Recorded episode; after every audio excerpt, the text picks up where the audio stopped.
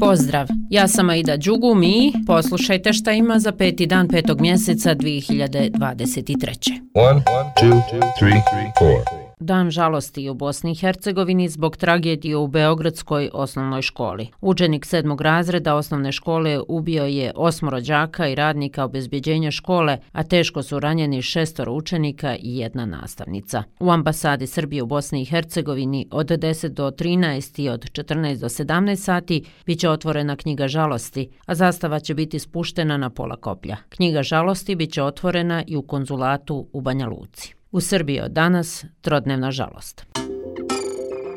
Dan je sjećanja na ubijenu djecu opkoljenog Sarajeva. Opsada grada trajala je 1423 dana i za to vrijeme ubijeno je više od 11.000 ljudi. A prema podacima Istraživačko-dokumentacionog centra iz Sarajeva u Bosni i Hercegovini je tokom rata ubijeno 3.372 djeteta. Od tog broja, 711 je smrtno stradalo tokom ratne opsade Sarajeva, rekao je Mirsad Tokača, direktor ovog centra. Vlada kantona Sarajevo je prije četiri godine donijela odluku da će se 5. maj obilježavati kao dan sjećanja na ubijenu djetu djecu Sarajeva.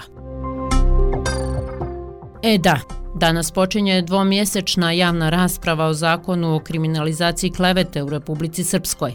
Uprkos kritikama medijskih radnika i nevladinog sektora, prva faza, tačnije nacrt zakona, usvojen je 23. marta. Nacrt zakona podrazumijeva da kleveta bude sastavni dio krivičnog zakona, a predviđene novčane kazne su od oko 2,5 do čak 60.000 eura a više kazne propisane su u situacijama kada je kleveta iznesena u medijima, uključujući i društvene mreže ili na javnom skupu.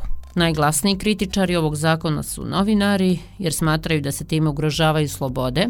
Najavili su da će pred početak javne rasprave razviti transparent i neće učestvovati u raspravi. I još i ovo da vam kažem, ako niste znali, Bosna i Hercegovina trenutno predsjedava Jadransko-jonskom inicijativom, a danas se u Banja Luci održava konferencija o održivom razvoju zemalja koje izlaze na ta dva mora. Rekla vam je Lela da pogledate na karti koje su to države.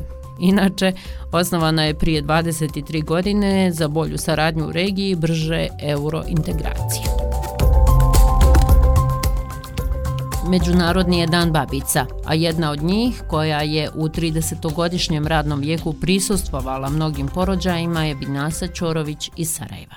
Jedan od najljepših poziva koji nosi puno stresa. Morate imati puno strpljenja, morate puno pričati sa ženama, morate puno raditi s njima da biste dobili jedan onako trenutak koji će svaka žena pamtiti u životu. Za ovih 30 i malo više godina staža, na svu sreću to je bilo najviše lijepih trenutaka, mnogo, mnogo manje onih koje možda nažalost pamtim, ali eto, znam da sad porađaju djeca koju sam ja jel, sa njihovim mamama porađala, tako da je to neka druga generacija. Znam da se radujem svakoj smjeni, svakom porodu,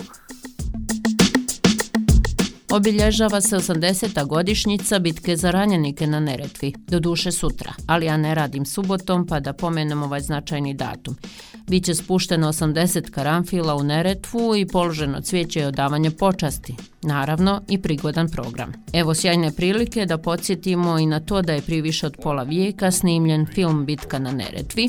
Radi se o jednom od najgledanijih i najskupljih filmova svih vremena na prostorima Socijalističke federativne republike Jugoslavije, uvršten je u deset najznačajnijih filmova o drugom svjetskom ratu. Plakat za film uradio je Pablo Picasso, a osim poznatih glumačkih imena među hiljadama statista, po čemu je film također prepoznatljiv, bio je i cazinjanin Mehmet Hašić i danas se rado sjeća svog učešća u snimanju. Mogu vam reći, bio sam i, i švabo, i četnik, i ranjenik, i tifusar, i partizan, i italijan, sve smo glumili. Stipa Delić je raspoređivo i naš starješan, normalno, šta što radite, on kaže, ti ćeš biti ranjenik danas. 5. maj značajan je datum za kineski i američki svemirski program, ali i za čovječanstvo. Amerikanci su tog dana 1961. godine lansirali kosmički brod Mercury, njihovu prvu kosmičku letjelicu sa ljudskom posadom. Istog datuma, ali 2020. Kina je uspješno lansirala svoju najveću raketu sa svemirskim brodom nove generacije. I tu je kraj ovog podcasta. Ja se odoh lagano lansirati na kaficu. Ćao!